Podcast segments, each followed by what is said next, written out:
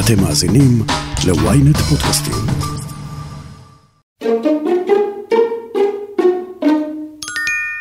איפה מתחילים לתקן? בשירות לאזרח. נכון להיום, תיקים, אפילו קטנים, שוכבים בפרקליטות שלוש, חמש ואפילו יותר שנים, ולמה? כי בפרקליטות לא ממהרים, יש להם זמן. חייבים להפסיק את הטרלול הזה. אם אתם עורכי דין, השתגעתם להאזין היום לפודקאסט? רוצו לקלפיות, יש בחירות לראשות לשכת עורכי הדין. אני כבר לפני שנה וחצי הכרזתי על התמודדות באופן רשמי, זה היה גם בעיתונות, והדאגה שלי הייתה לעורכי הדין. במצב הזה אני החלטתי וחשבתי שזה נכון וראוי שאני אתמודד לאור הניסיון שיש לי ולאור, ה, אני מאמין, היכולת שלי לבוא ולייצב את הספינה הזאת ולהחזיר את אמון הציבור במערכת המשפט וגם בקרב ציבור עורכי הדין. פוגע במעמדו של בית המשפט העליון, הוא מסכן את הדמוקרטיה הישראלית. לשכת עורכי הדין בראשותי לא תיתן לזה לקרות. ואם אתם לא משפטנים, בטח אתם שואלים את עצמכם, למה לשכת עורכי הדין אמורה לעניין אותנו? למה אתם שם בתקשורת מתעסקים בה כל כך הרבה? אז הנה, לכבודכם התכנסנו. האמת היא שבימים כתיקונם, גם עורכי הדין לא ממש מתעניינים בלשכה. בשני סיבובי הבחירות האחרונים שם, רק קצת יותר מרבע מהם טרחו בכלל ללכת לקלפי. אבל היום יש לבחירות משמעות מרחיקת לכת עבור נושא שהציבור הישראלי מתווכח עליו כבר שישה חודשים רצוף. מינוי שופטים, סלע המחלוקת. אני ישי שנרב, וזאת הכותרת. מדינת ישראל מחזיקה בשיא עולמי, הכי הרבה עורכי דין ביחס לאוכלוסייה, כ-77 אלף איש, והם צריכים לבחור היום בין ארבעה מועמדים לראשות לשכת עורכי הדין. היו"ר לשעבר, דורון ברזילי, עורך הדין ארכדי אליגואשווילי, אבל הקרב המרכזי הוא בין שניים אחרים, מחנה עמית בכר מול מחנה אפי נווה. גלעד מורג, כתב המשפט של ynet, לא זוכר מעולם אמוציות כאלה בלשכה. ב-2019 למשל, אחוזי ההצבעה למועצת הלשכה, למועצה הארצית, היו 28.4 בלבד. זאת אומרת, אה, מרבית עורכי הדין לא באו להצביע לבחירות ללשכה.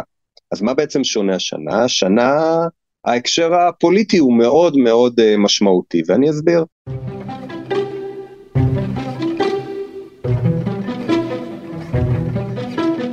יש לנו ממש uh, כמעט שתי מחנות, יש את המחנה של uh, אפי נווה, שבעצם מריצה אותו מאחורי הקלעים, או תומכת בו נגיד, לא מריצה אותו, הקואליציה, ויש את עמית בכר, שהוא למעשה מתנגד חריף לרפורמה, הוא משתתף בהפגנות, uh, הוא מצהיר שהוא ישמור על עצמאות בתי המשפט, ובו כל מי שמתנגד לרפורמה, סביר להניח שיצביע uh, ולכן הקריטיות הזאת של הבחירות, בגלל שהלשכה בוחרת נציגים לוועדה לבחירת שופטים, והנציגים שלה מאוד משמעותיים, מה תהיה דעתם על הרפורמה, תעודד, אני מעריך, אנשים לצאת להצביע יותר מאי פעם.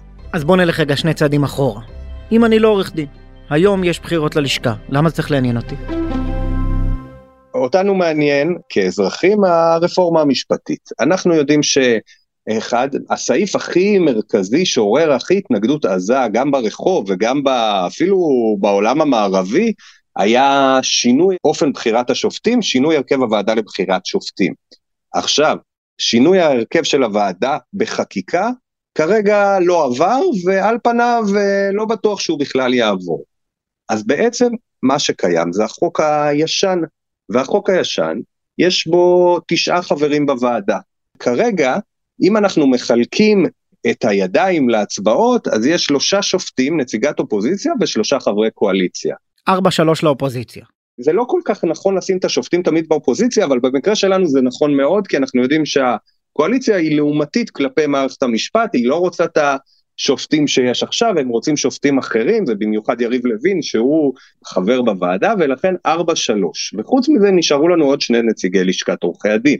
אם הם uh, מתנגדי רפורמה, אז הם יצביעו סביר להניח עם השופטים והאופוזיציה, ואז יש רוב לשופטים ולאופוזיציה לבחירת שופטים, ואם הם ילכו לצד השני, אז יהיה רוב לצד השני. ולאורך שנים הייתה ברית מסורתית בוועדה. שני נציגי עורכי הדין הולכים בדרך כלל ביחד עם שלושה נציגי בית המשפט.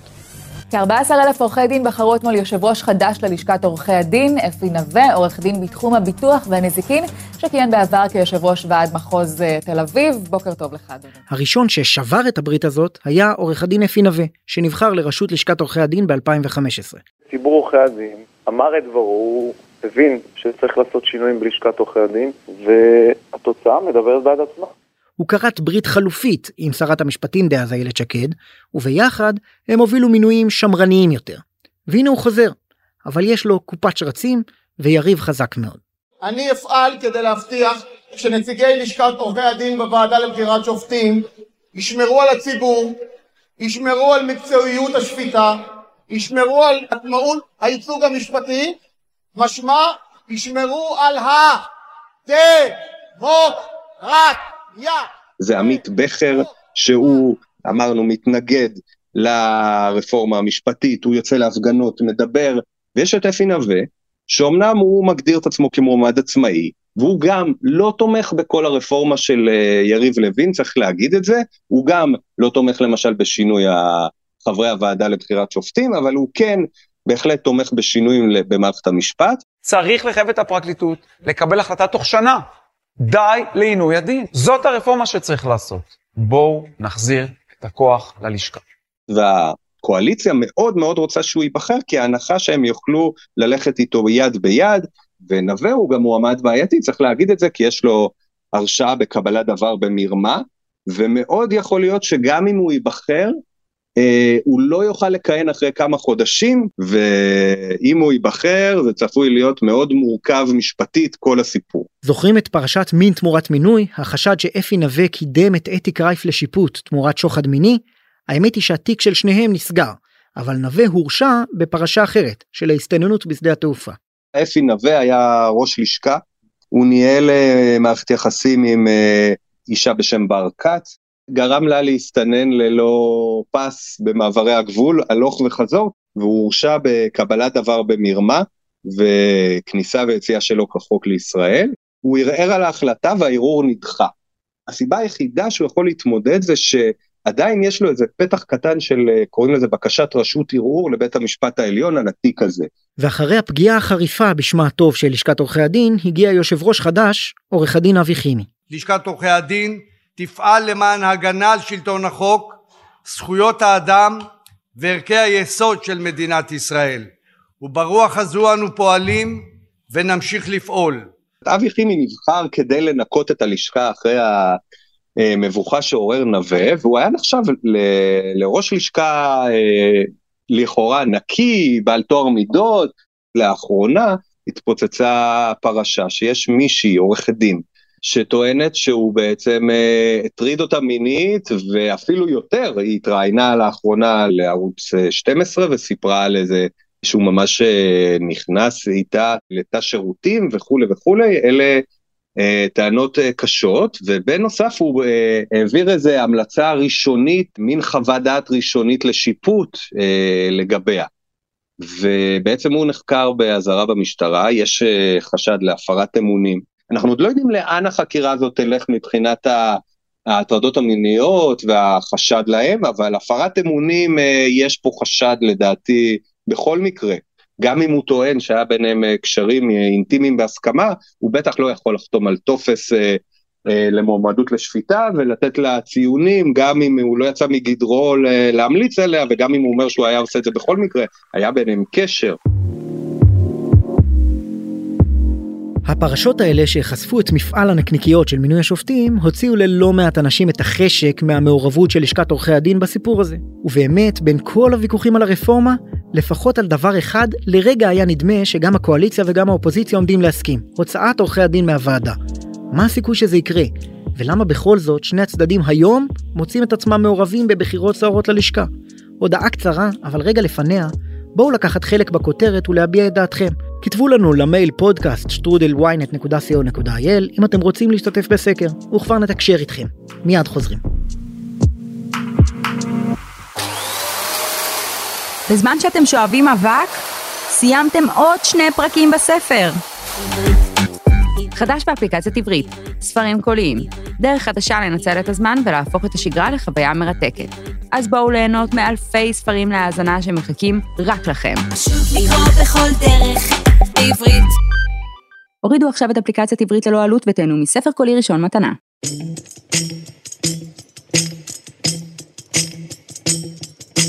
הוויכוח על הרכב הוועדה לבחירת שופטים הפך לגדול ורחב מדי כדי שנוכל לפרוס אותו כאן במלואו. אבל בואו נתמקד בשני הנציגים של לשכת עורכי הדין. מי אמר שהם חייבים להיות חלק מהוועדה? צלצלנו לאחת שהייתה שם, עורכת הדין רחל בן ארי, נציגת הלשכה בוועדה בין השנים 2008 ל-2014. כן, התקופה, השנים האחרונות אה, לא החמיאו ללשכת עורכי הדין ונציגיה לא, לא מילאו תפקידם אה, נאמנה. השנים האלה לא עשו טוב. ובהחלט אני יכולה להבין גם את כל מי שאומר, רגע, רגע, רגע, אז מי אנחנו ומה אנחנו? ולשמחתי יש מספיק גורמים אה, חיוביים ואחראיים שמאשרים ומבינים את המידות הקשות שהיו וחושבים שיש סיכוי וצריך להחזיר את הדברים למקום אה, אחראי אה, וחיובי, כשגולת הכותרת זו המעורבות הכל כך חיונית בתהליך בחירת השופטים. גילוי נאות, את מועמדת ברשימה של עמית בכר, כמובן נגד אפי נווה.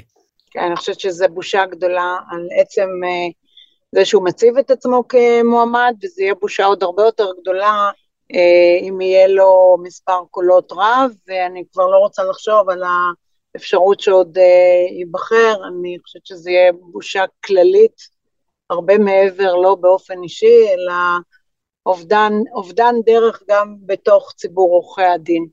אבל למה זה חיוני? כי יגידו לך זה פתח לניגודי עניינים מפה ועד הודעה חדשה.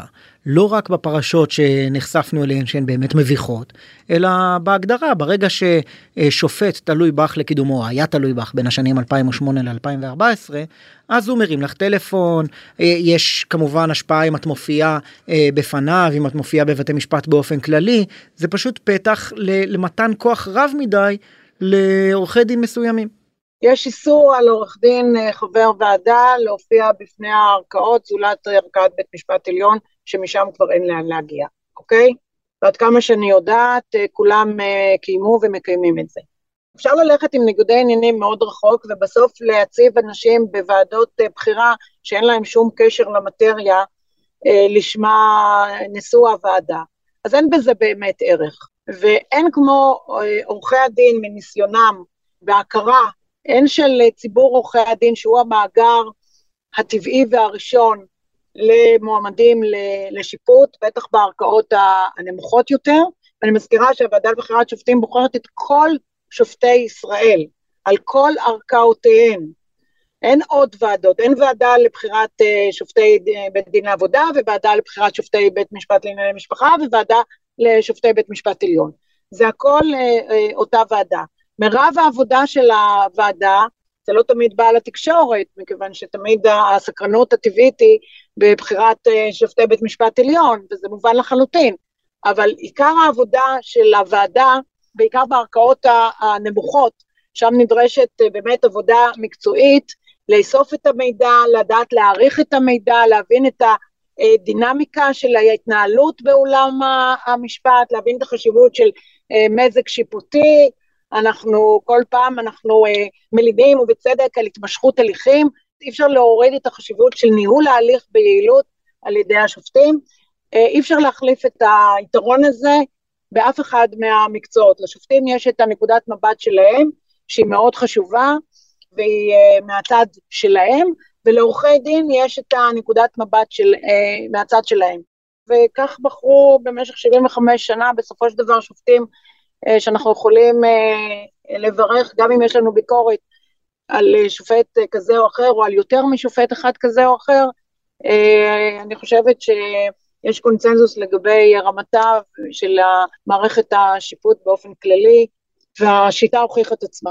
תראי עורכת הדין בן ארי, יש מעט מאוד נושאים שאפשר למצוא בהם אה, הסכמה או חפיפה בין פורום קהלת למכון הישראלי לדמוקרטיה. אבל באתרים של שני המכונים האלה אה, מצאתי השוואה בינלאומית ואת רואה שבאף מדינות בעולם שני המכונים מסכימים שאף אין אף מדינה מערבית בעולם שבה עורכי הדין מעורבים ממש בוועדה שממנה את השופטים. יש מדינות שבהן הם מייעצים אה, כגוף מייעץ למי שממנה. ויגידו אפילו אם את צודקת ויש לעורכי הדין אינפוטים חשובים שאין לאף גוף אחר לגבי השופטים שייעצו מבחוץ למה צריך שני נציגים בתוך הוועדה לבחירת שופטים. באמת השנים האחרונות אה, מקשות עלינו, אני לא, אני מצרה על כך, אני רק חושבת שאם יש כמה תפוחים אה, רקובים בארגז, לא צריך להחתים את הכל, ולא בגלל זה צריך לשנות אה, שיטה. אני לא חושבת שזה ברמה העקרונית, יש היגיון רב ויש תועלת רבה בתרומת עורכי הדין בוועדות. אני חושבת שאם אתה תשאל את הפוליטיקאים, עזוב רגע את השופטים, הפוליטיקאים שהיו נציגי בכנסת ונציגי הממשלה אה, בוועדות אה, לדורותיהן, תשמע מילים חמות מאוד לגבי העבודה המקצועית והעניינית של נציגי לשכת עורכי הדין, בין אם הסכמת איתם או עם מי מהם, כי לא בהכרח הדעות אה, תמיד זהות, לגבי מינוי כזה או אחר, ובין אם לא.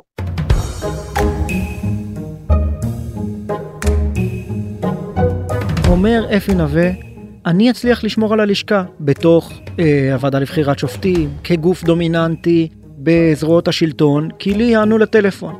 עמית בכר והעשייה שלכם, בעצם זה שנקטתם עמדה כל כך נחרצת בעד המחאה ונגד הממשלה, לא תאפשרו סיכוי למבנה הזה. ואם ינצח עמית בכר היום, נציגי לשכת עורכי הדין ימצאו את עצמם מחוץ לוועדה.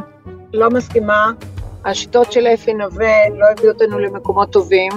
גם את הברית הכאילו אוטומטית שהיה לו עם שרת המשפטים לא אהבתי. אני חושבת שאסור שיהיו בריתות אוטומטיות בתוך הרכב של ועדה שבוחרת. אה, הדיון צריך להיות דיון ענייני לגבי כל מועמד ומועמד, ושום בריתות כאלה ואחרות. מנגד, אפילו בתוך לשכת עורכי הדין, יש כאלה שחושבים שהלשכה לא צריכה להיות חלק מהוועדה לבחירת שופטים. למשל, עורך הדין מיכאל דבורין, לשעבר פעיל במחוז ירושלים בלשכה, וגילוי נאות, גם היה יועץ אסטרטגי לליכוד. כאשר עורכי דין רגילים, שיש להם אינטרסים, אתה יודע, אז הם לא מלאכים עורכי דין, הנה אני עורך דין, אני מספר לך, אנחנו לא מלאכים, זה תגלית. ויש לנו אינטרסים עסקיים, יש לנו לקוחות, יש לנו לקוחות רבי עוצמה, ויש לנו לפעמים אה, דברים במיליונים ובעשרות מיליונים בבתי משפט, ואנחנו נהיה אלה שנמנה את השופטים שיודעים שהם תלויים בנו לקידום שלהם, למינוי שלהם, להצ... ל... ל... להפיכתם לנשיא בית משפט עליון. אתם לא רואים את הניגוד עניינים, הרי זה לא היה מתקבל בשום מקום אחר. הרי לא הייתם נותנים לפוליטיקאים לעשות את הדברים האלה, ב... נקרא לזה במשרדים שלהם, אז למה שתיתנו לעורכי דין שיש להם אינטרסים במיליונים ובעשרות מיליונים, משרדי עורכי דין גדולים, לקבוע גורלות של שופטים שאחר כך הם מופיעים אצלם. אז יגידו לך, תקנו את זה. קבעו שהיום חברים בוועדה לבחירת שופטים לא יכולים להופיע בבית משפט. זה נכון, ומה עם השותף שלו? ומה עם השכירים שלו? דרך אגב, אז זאת הייתה בדיוק העתירה, והשופט עמית אז הצחיק אותי מאוד. שים לב, הכל היה לפני הפרשה של אפי נווה והמינויים, ולפני כל מה שהתפוצץ, ואפילו, נדמה לי שזה היה לפני עובדה, שאפי שם הסתובב והתרברב באילת, ואתה יודע, בחטא ההיבריס, מה שנקרא, יצא לו מכל הכיוונים, עם המינויי שופטים. וכותב השופט עמית, שמי שטוען שלשופט תהיה, יכול להיות ניגוד עניינים, לא מבין ש, ששופטים יש להם DNA אחר, ואני לא מקבל את זה. שופטים הם בני אדם, והם יודעים שמי שמופיע בפניהם זה שותף של אפי נווה במשרד דאז, או שותף של מי שהיום נמצא בסדר, או שכיר שלו, והוא צריך למצוא חן בעיניו, כי העתיד שלו והקידום שלו תלוי, מה, הוא לא לוקח בחשבון את השיקולים האלה? מה, הוא עשוי מאיזה חומר אחר? הוא לא בן אדם. אז אני אומר, למה להכניס בכלל מראש את המערכת לניגודי העניינים האלה? למה? אז אומרים אה, לעורכי הדין ולשכת עורכי הדין כמי שמייצגת אותם, יש אינפוט מאוד חשוב מקצועית על השופטים. הם פוגשים אותם ביום יום, בניגוד לפוליטיקאים שאתה יודע יושבים בכנסת ומנסים לנחש איזה שופט יהיה יותר אה, אה, מיטיב למחנה שלהם. תשמע, אני כמעט, אני כמעט לא מאמין שאני צריך להגיד את זה אחרי מה שהתגלה גם עם אבי חימי. הרי מה היה באבי חימי לגרסתו? אני לא נכנס כרגע, אתה יודע, למחלוקות, זה עוד יתברר. אבל מה היה לגרסתו? היא באה לבקש ממנו, הגברת הזו, המלצה להיות שופטת, כן? ממי? ממישהו שלטענתו היא הייתה איתו ברומן, היא אומרת משהו אחר. אז אתה מבין את ה... איך אומרים? אומרים, לא, לא, אל תשים מכשול בפני עיוור, כן? אז אתה מבין מה קורה פה, עורכי דין, אה, לפעמים יותר גדולים או מצטיינים, לפעמים בינוניים ואפורים, מקבלים יותר מדי עוצמה לידיים. עכשיו, זה מכל הכיוונים, אני מבטיח לך, שאם אני כחבר ועד מחוז ירושלים, שזה באמת הקטן שבקטנים, היו מתקשרים אליי. היו מתקשרים אליי שופטים, פרקליטים, כי ועד מחוז ירושלים ממליץ, אתה יודע, בסביבה, על, על, על שופטים ירושלמים. אני הקטן, הייתי מקבל טלפונים, תעשה ככה, תעשה ככה, תמליץ, תצביע. אז תאר לך מה יש בטלפון של אחד אפי נווה או של אבי חימי, אם מישהו יבדוק, לא אנשים אה, זוטרים, אלא, אלא נשיאי בתי משפט, ומה קורה שם בכלל, ופרקליטים בכירים, וכל הבורסה הזאת. ואני אומר, אתה יכול באמת להבטיח שהאינטרסים שם יהיו תמיד נקיים? אז נכון שעורכי דין נפגשים עם שופטים בבתי משפט, אז מה? מה זה אומר, שהם יכולים להעיד מי שופט יותר טוב ומי פחות טוב? אז אם הם יכולים לעשות את זה, אז הם יכולים גם לייעץ לפוליטיקאים או לנציגי ציבור שיהיו במקומם. אני באופן אישי מתקומם, ואני יכול להגיד לך, כתבתי על זה מאמר וגם תיארתי את זה. כשהיו כנסים ששופטים מתחככים עם עורכי דין, אתה רואה אותם, אתה יודע, עם, אה, איך אומרים, עם כוס יין ובורקס ביד, ואני לא מתחכך נניח, או מישהו אחר לא מתחכך, אז איך אני אמור להרגיש שהשופט שאמור מחר לדון בעניין שלי, הרגע היה עם היריב, עם העורך דין היריב שאמור להתמודד מולי, הוא ייתן לי את הפסיקה שאני רוצה, את ההוצאות, או שהוא קצת חבר שלו וקצת מכיר אותו וקצת תלוי בו ויודע שהוא בכיר בלשכת עורכי הדין. זה בעיה, זה בעיה אמיתית, אני אומר לך את זה בפנים, הייתי שמונה שנים במערכת, לא אהבתי את מה שראיתי.